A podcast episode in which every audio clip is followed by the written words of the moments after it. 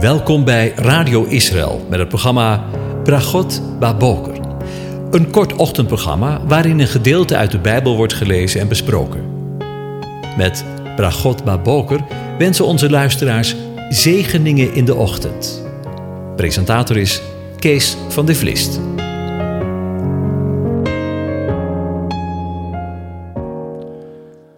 Goedemorgen, Bokatov, beste luisteraars. Vanmorgen gaan we weer verder na te denken over Psalm 96. En ik lees de eerste zes versen aan je voor. Zing de Heere voor een nieuw lied. Zing voor de Heere, heel de aarde. Zing voor de Heere, loof zijn naam. Breng de boodschap van zijn heil van dag tot dag. Vertelt onder de heidevolken van zijn eer, onder alle volken van zijn wonderen. Want de Heer is groot en zeer te prijzen. Hij is ontzagwekkend boven alle goden. Want al de goden van de volken zijn afgoden, maar de Heere heeft de hemel gemaakt. Majesteit en glorie zijn voor zijn aangezicht. Macht en luister in zijn heiligdom. Over een nieuw lied gesproken. Vandaag denken we weer voor de laatste maal in dit verband na over Psalm 149. Het zesde nieuwe lied in het Eerste Testament. We lezen deze psalm nog een keer. Halleluja. Zing voor de Heer een nieuw lied. Zijn lof zij in de gemeente van zijn gunstelingen. Laat Israël zich verblijden over zijn maker. Laten de kinderen van Sion zich verheugen over een koning. Laten zij zijn naam loven in rijdans. Voor hem psalmen zingen met de tamboerijn en harp. Want de Heere is zijn volk goedgezind. Hij zal de zachtmoedigen aanzien. Geven met heil.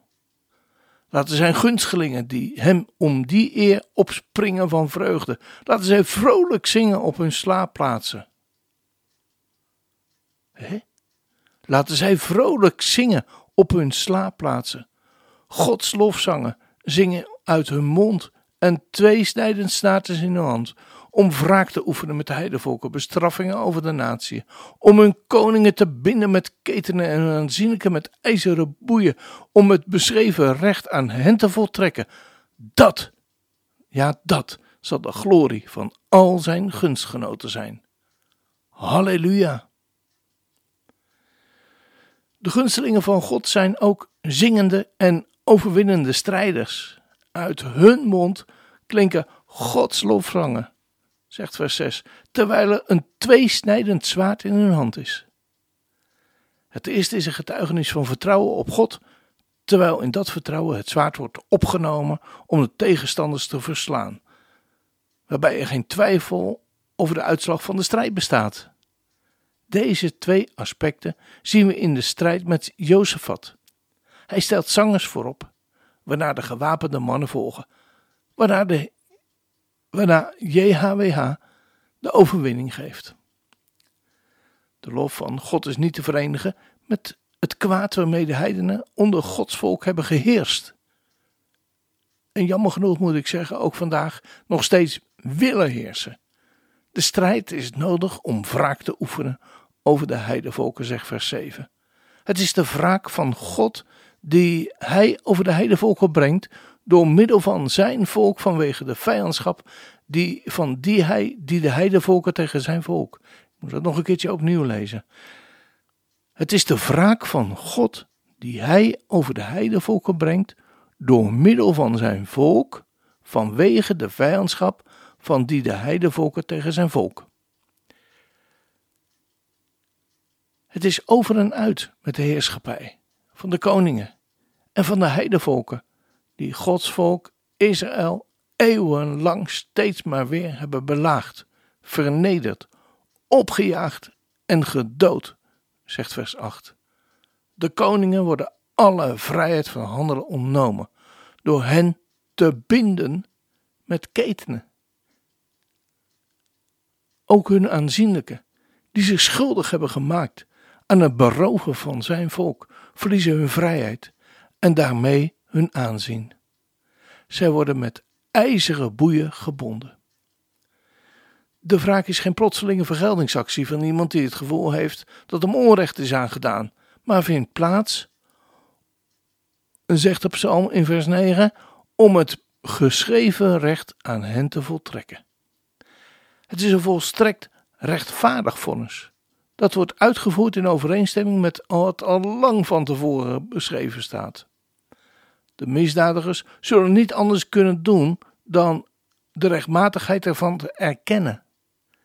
Deze rechtmatige vergelding zal de glorie van al zijn gunstelingen zijn, zegt Psalm 149.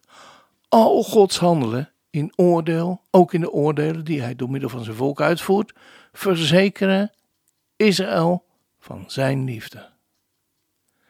Daarom past aan het slot van deze psalm een opnieuw een halleluja of loof de Heere. Dat is het zoals er staat. En toch, en toch, wanneer ik dit zo lees, moet ik eerlijk bekennen dat het bij me wringt. Wat zal het verschrikkelijk zijn voor de tegenstanders van het volk van God en van zijn volk, Israël. Dat doet me pijn. En ik sta bij wijze van spreken allerminst handenwringend aan de kant als toeschouwer om de ondergang van de tegenstanders te zien plaatsvinden. Wat is het verschrikkelijk, verschrikkelijk, verschrikkelijk. We hebben toch niemand, dan ook helemaal niemand hiervoor over? Laten we dan alle mogelijkheden waarover beschikken om met mensen om ons heen te spreken over de God van Israël, over de eeuwige, die zo lief de wereld had en heeft, dat hij zijn enige geboren zoon gegeven heeft, opdat iedereen die in hem gelooft, niet verderft, maar het eeuwige leven heeft. Laten we die houding van Yeshua voor ons eigen leven adopteren. Vandaag, morgen en alle dagen van ons leven. Liefde voor zondaren.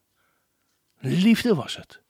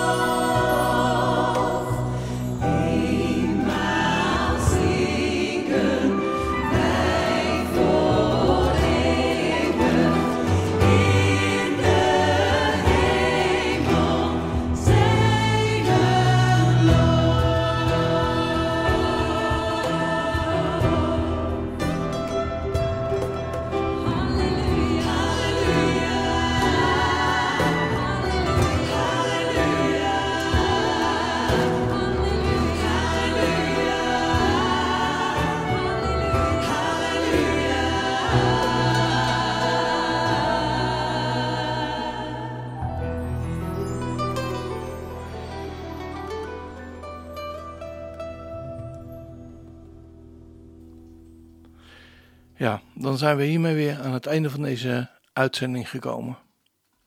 Dan wens ik je God zegen toe. De Heer zegene en hij behoedt je. De Heer doet zijn aangezicht over je lichten en is je genadig. De Heer verheft zijn aangezicht over je en geeft je zijn shalom, zijn vrede. Amen.